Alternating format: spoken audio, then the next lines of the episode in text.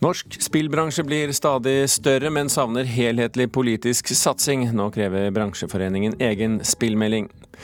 Gorp Core er den nye Norm Core, og hvis ikke dette gir mening for deg, hør videre på denne sendingen. Og så får du også møte her Nina Ellen Ødegaard, som i går ble kåret av eh, teaterbransjen som årets skuespiller. Og så har vi en svært eh, entusiastisk og fornøyd eh, kunstanmelder som kommer inn mot slutten av sendingen. Hun har vært i Stavanger og sett den nye utstillingen eh, om Kitty Kielland. Men vi begynner med dataspill. Spillbransjen i Norge opplever nemlig god vekst, men satsingen fra politisk hold er for dårlig, mener Virke Produsentforeningen. NRK har fått tilgang til Spillanalysen 2017, som blir lagt frem under den årlige spillkonferansen på Hønefoss i dag. Der krever bransjeforeningen handlekraft fra politikerne. Dette er et spill som uh, veldig mange internasjonalt gleder seg til. Det har vanvittig fanbase. Mellom kaffekopper og levert mat sitter en engasjert Jack Christoffersen Wulf framfor en kraft-PC av de sjeldne. På skjermen ser vi de første delene av dataspillet som forhåpentligvis skal ta verden med storm. Vi var visstnok det spillet i Irak som alle syntes var det kuleste. Det norske dataspillet Project IGI som nå får ei tredje utgave, er en kultklassiker i land som trulig overrasker mange. Spelbransjen ser derimot ikke landegrenser.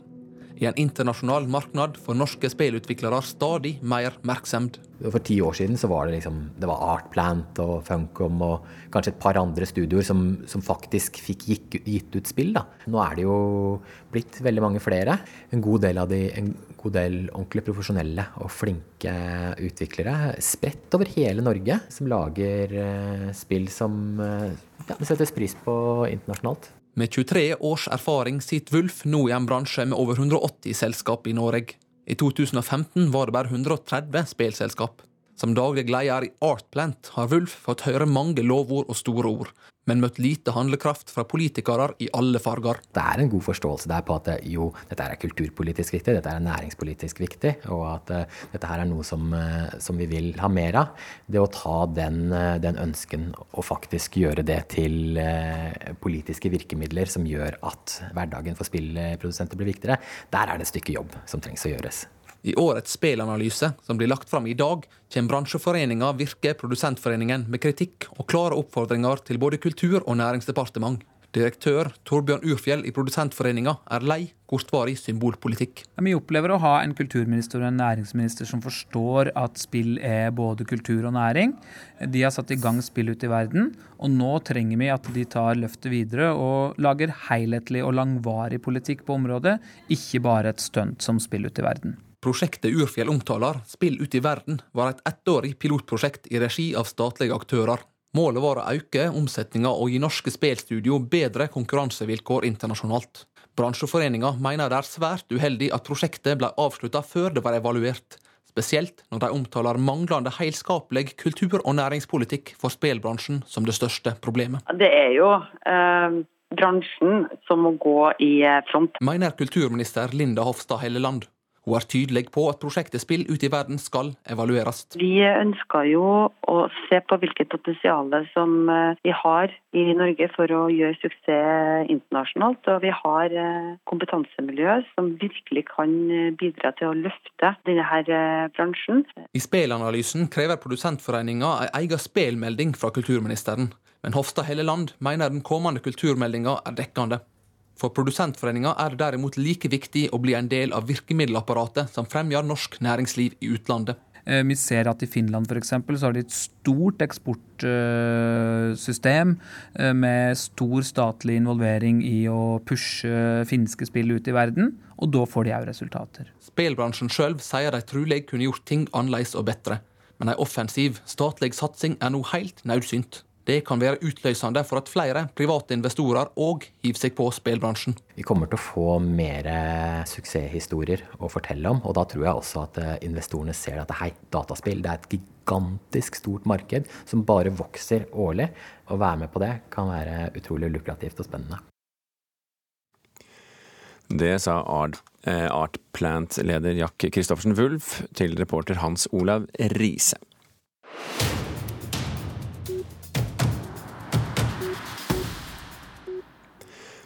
I går ble Hedda-prisene delt ut for 20. gang. Hedda-prisen deles ut årlig for eh, fremragende prestasjoner innen norsk scenekunst, som det heter. Og Karen Frøsland Nystøyl, teaterkritiker her i NRK. Hedda-prisen har jo rykte på seg for å gi prisen til de som fortjener det, i motsetning til alle andre, selvfølgelig. Er det slik i år også? Ja, det syns jeg. Eh, og for min egen del så var det jo mange av mine favoritt- og forhåndsgjetninger. Jeg har alltid en sånn lite spill med meg sjøl før utdelinga av Hedda-prisene. Og mange av de gikk inn. Orlando ved Rogaland Teater fikk jo mange priser. Jan Selid fikk pris eh, for beste skuespiller, og Hildegunn Eggen gjorde det samme. Arne Lygre for beste scenetekst. Så jeg, jeg syns det var veldig kjekt å være på prisutdeling i går. Du er simpelthen ganske flink? Om jeg er? Ja, ja til å gjette, ja. Kjempeflink. Sju nominasjoner eh, og tre priser til eh, det som du nevnte her, Rogaland Teaters oppsetning av Orlando. Eh, hva var det de fikk til? Nei, De klarte å lage det beste jeg og veldig mange andre kritikere så av teater i, i, i Norge i forrige sesong. Det er så sjelden å oppleve ei så hva skal jeg si, så helstøpt forestilling, et så sterkt ensemblespill. Og bare det å gjøre den omfattende romanen 'Orlando' til noe eget på teaterscenen, som Sigrid Strøm Reibo og Njål Helge Mjøs gjorde det. Det skjer rett og slett ikke så ofte at man får en sånn stor totalkunstopplevelse mm. som vi fikk der. Så jeg tror det var mange, mange kritikere som svevde lykkelig ut av Rogaland teater etter å ha besøkt det og sett Orlando.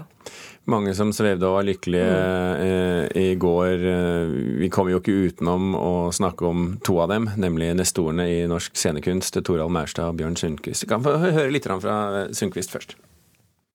Jeg setter fantastisk pris på det. Det blir, når man hører en sånt Jeg skjønte først ikke at det var meg, altså, men jeg forsto det etter hvert. Og det, jeg følte at det ble en slags nekrolog. Sånn det, det, er sånn ærespris. Det, det, er sånn, da er man ferdig. Takk for i dag. Sånn, The night is waiting for you. Men jeg er i live. Uh, og jeg blir veldig rørt for dette her. Tusen takk. Han ble rørt, Torald Maurstad ble rørt. Hva er det med disse to kara som De holder jo høyden rent kunstnerisk, selv om de er over høyden sammenlignet med liksom normal pensjonsalder? Det er, det er, det at de klarer, de klarer å, å, å, skape magien på scenen hver eneste gang. Og jeg må si at det at Torald Maurstad klarte å reise seg igjen til å delta i en forestilling etter å ha hatt et hjerneslag under ett år etter, det er en stor prestasjon som ikke alle 90-åringer ville hatt mot til å forsøke seg på en gang. Eh, og den, hans hans prestasjon, der han sto på scenen med den kroppen han hadde, og den tilstanden kroppen hans etter hvert er i. Han begynner jo, han er jo gammel. Han er jo passert 90, så. Eh, totalt tilstedeværende i den rollen. Og når han da spilte, som juryen også sa, spilte en trassig liten fireåring i sandkassa, så skjønner du at dette er en stor teatermann. Og det er Bjørn Sundquist òg. Det, det der med nekrolog og sånn som alle flirte av i går. Før han sa det, så hadde han joika sin egen joik fra scenen, eh, henta fra forestillinga 'Et helvetes liv', som han gjør sjøl. Og den joiken den er så full av livskraft at han må jo ha minst 100 år igjen. Ja, han har et stykke til han blir 90, så vi har mer i vente. Men altså, vi vet jo at eh, jo eldre man blir, jo mer lettrørt blir man. Og begge disse to karene tok til tårnet. Men, men er, hva er det Hedda-prisen, betyr det noe eh, utover liksom det er det spesielt for skuespillere å få Hedda-prisen? Ja, det tror jeg eh, det er for alle. Det handler om at, å bli sett Flere av de framhever det at den, den, lille eller den store innsatsen jeg gjorde i dette stykket, den er faktisk sett og den er løfta fram, og det betyr noe. Eh, teateret er en kollektiv kunstart. Det betyr at du aldri er alene. Du har et lag rundt deg du må spille ball med, og det er jo mer eller mindre vellykka. Men det som jeg syns var fint ved mange av vinnertekstene, det var at flere skuespillere ble, ble framheva som gode medspillere. Og det er vel noe av det største du kan være tenker jeg, som skuespiller. Å være en, en som det er kjekt å spille i lag med. Um, Nina Ellen Ødegaard fikk jo prisen for beste kvinnelige hovedrolle. Var den fortjent, syns du? Den var selvfølgelig fortjent. Det er det ingen tvil om. Men samtidig så må jeg si at egentlig så syns jeg den prisen kunne gått til hele ensemblet. For dette var jo sterkeste ensemblespillet jeg så i fjor, og det er ikke feil å gi den prisen til en enkeltperson, men akkurat her skulle jeg ønske det var en kategori for ensemblespill, for da ville hele ensemblet ha fått den. Mm. Ehm, det hadde jo selvfølgelig vært morsomt å høre hva Nina Ellen Ødegaard mener om akkurat det. og Morsomt nok, her sitter hun i studio. Velkommen til Kulturnytt. Tusen takk. Du satt og nikket da Karen sa at den prisen var fortjent til hele ensemblet. Ja, ja, ja.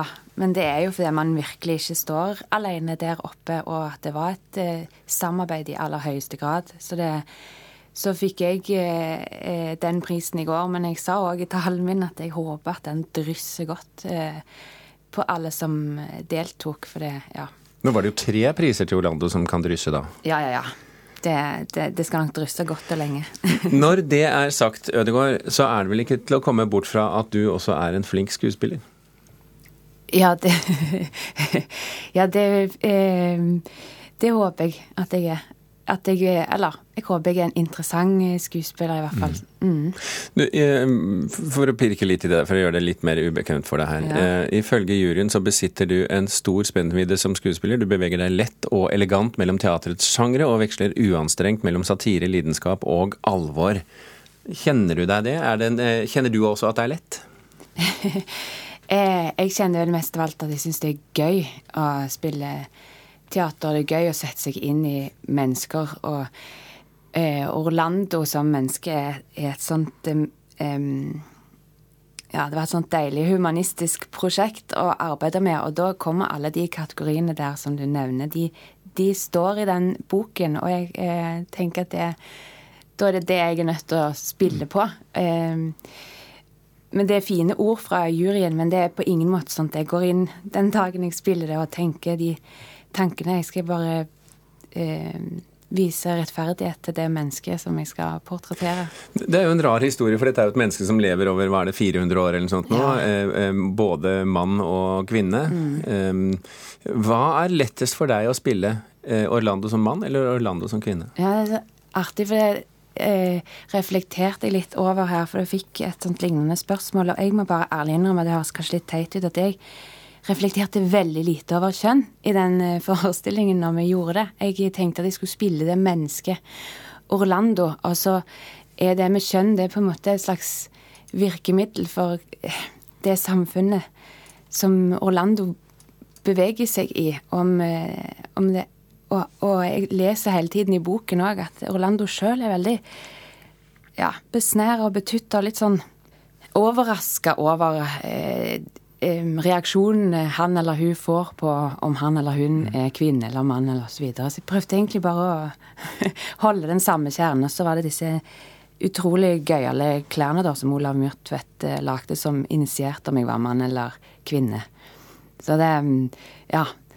Det høres kanskje litt dumt ut, men det var, det var egentlig det som det er det som var tilfellet, rett og slett.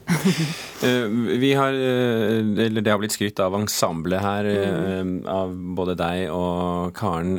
Men du har fått en Hedda-pris før? Ja. Så nå har du to. Ja. Går du for nummer tre?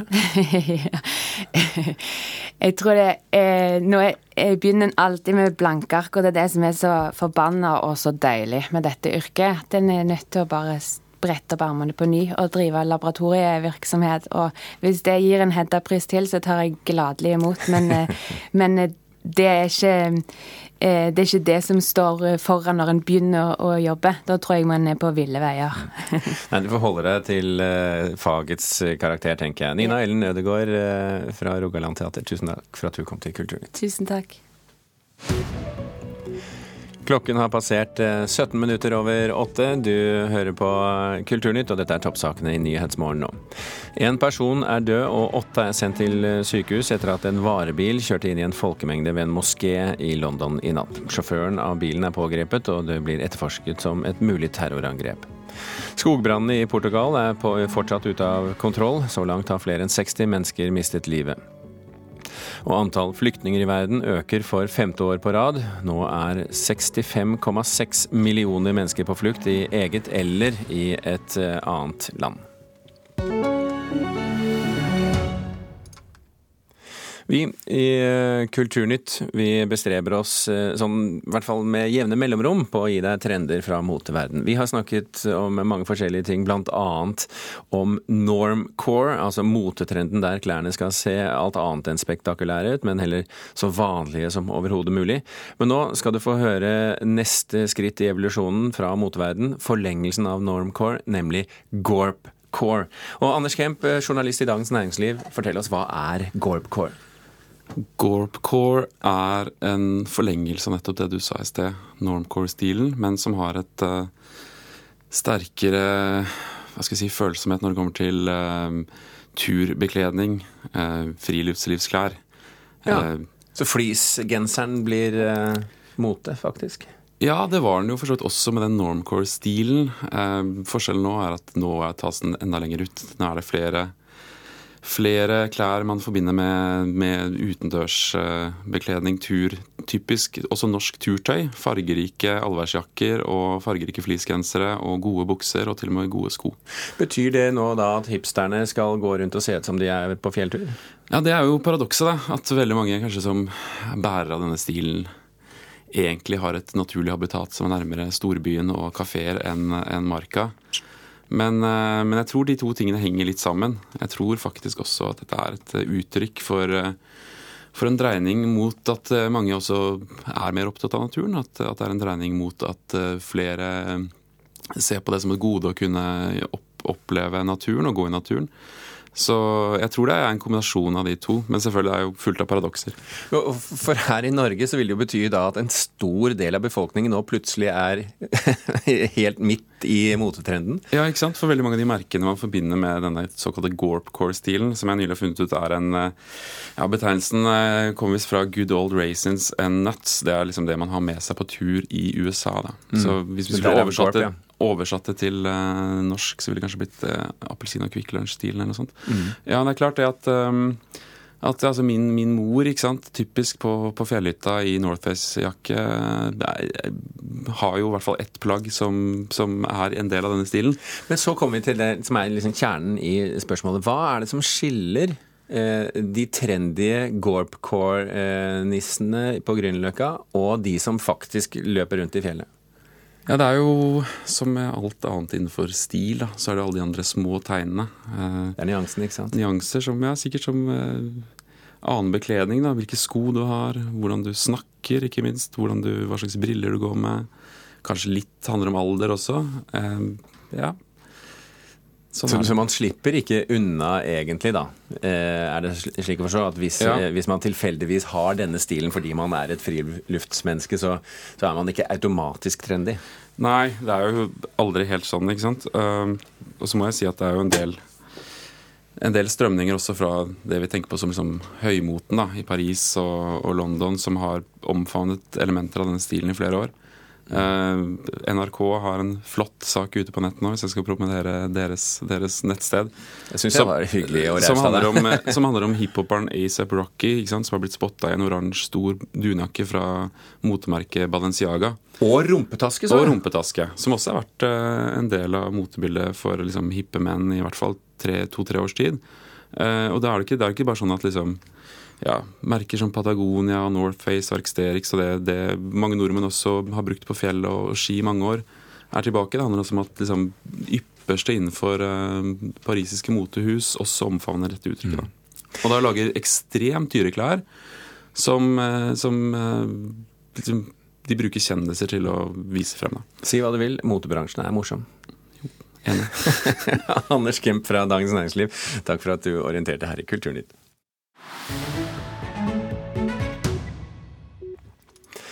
Vi skal eh, flytte oss eh, fra eh, motebransjen over til det som kan omtales som en verden fylt av tenkte fordeler til norske medier. Vi snakker om Venstre som forrige uke foreslo skattefritak på avisabonnement betalt av arbeidsgiver, og møter i dag skepsis hos regjeringspartiene. Hans Olav Riise, kollega og reporter her i Kulturnytt, hva er årsaken til det?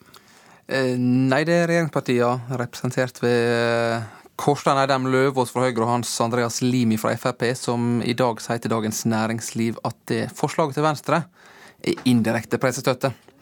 I dag er ordninga slik at bare de som er i en jobb med spesielt informasjonsbehov, har skattefritak for aviser betalt av arbeidsgiver. Men Venstre foreslår nå at absolutt alle som får aviser via arbeidsgiver, skal slippe skatt. Det mener eh, derimot regjeringspartiet at vil rokke med hele skattesystemet. Men Hvilken del av systemet er det de refererer til? Det er da, det er da lettelser både her og der rundt omkring? Eidam Eidem Løvaas, som er jo mediepolitisk talsmann i Høyre, sier at fordeler gitt i arbeidsforhold skal skattlegges. Han mener Venstre sitt forslag altså blir indirekte pressestøtte, ikke bare skattefritak, og at de har andre, andre ordninger for eh, pressestøtte. Ok, Vi lar pressestøtten ligge der et lite øyeblikk, og så drar vi ut i verden, eh, Hans Olav. fordi nå leste vi i dag at en rekke film- og TV-selskap har gått sammen mot én felles fiende. Og hva er den fienden? Fienden er ulovlige nedlastere, og i forrige uke ble en ny global allianse eh, kalla Alliance for Creativity and Entertainment lansert, skriver Dagbladet. Selskap som Disney, HBO, Netflix, Warner Brothers, BBC, MGM, Sky og 28 Fox er alle med i alliansen. Og uh, bakgrunnen for at selskapene nå går i lag, er estimat om at det ble gjennomført så mye som 5,4 milliarder ulovlige nedlastinger av kjente filmer og TV-serier. Men så kommer vi da til det sentrale spørsmålet, og det er hvordan skal denne alliansen bekjempe ulovlig nedlasting? Ja, eh, de tar i bruk egne overvåkingssystem og kommer til å gå til rettslige skritt for å ta de ulovlige nedlasterne. Og der jakt etter IP-adresse kan fort bli eh, sentralt. Mm. Se og uh, pass på at nå kommer det snart folk og ser på IP-adressen din. Vi får runda der, Hans Olav. Takk for at du orienterte. Da skal vi til Stavanger, fordi lørdag så åpnet den største separatutstillingen med Kitty Kiellands malerier noensinne i Stavanger kunstmuseum. Kitty Kielland kjenner vi kanskje best som billedkunstner, men hun var også en uredd samfunnsdebattant og skribent i sin tid. Hun sto ved siden av Christian Krohg i den betente prostitusjonsdebatten, og hun sto på barrikaden for jenters rett til utdannelse. Så er et uh, allsidig menneske som nå er stilt ut, Mona Palle Bjerke, kunstkritiker her i NRK. Men hva det, hvis vi går på kunstneren Kielland, hva er det som eh, gjør henne til en stor kunstner? Hun er en fremragende maler. Hun var også en radikal kunstner i sin tid. Nektet å la seg begrense til det man betraktet som en eh, hva skal jeg si, kvinnelig motivkrets i gåseøyne. Så man så jo gjerne på at man tenkte at kvinnen ofte skulle være henvist til sin egen verden, hjemmet, stilleben, sine egne barn. Dette ble jo aldri kjøkkenet, og barna ble jo aldri Kitty Kiellands verden. Hun giftet seg ikke, og hun albuet seg vei ut på det man betraktet som en maskulin arena, nemlig landskapsmaleriet. Og hun malte også et landskap man sjelden hadde sett. Det var ikke det, eh, det, var ikke det uberørte landskapet som man var opptatt av i nasjonalromantikken, men snarere det sårede landskap. Hun var fascinert av Jæren. Det var eh, strendene Myrene, det var eh, lyngheiene og det var torvmyrene. Og særlig disse myrene er jo interessante, fordi hun der er opptatt av disse sporene etter en gryende industrialisering, et såret landskap, disse arrene, hakkene, hvor de har tatt ut myr for å bruke som brensel.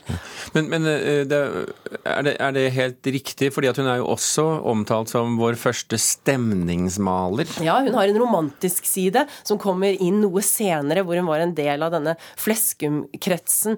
Eh, I eh, sommeren 1886 så var det en kunstnergruppe som samlet seg på Skretsviks gård i Bærum. Og der skapte de på en måte stemningsmaleri, eller nyromantikken, hvor de akkurat som nasjonalromantikerne ville ta fatt i det norske, men ikke bunaden, ikke fjell og fjord, men lyset. Demring og skumringslyset, også den lyse sommernatten som vekker erindringer og lengsler i oss alle. Ok, Så det var den ene siden av saken. Ja. Nå skal vi til den andre siden av saken på, på Stavanger kunstmuseum, fordi samtidskunstner Marianne Heier har også laget en stor installasjon av pels, der det også skal skje en performance med kvinner i lateks, og der hun selv skal da lese en monolog.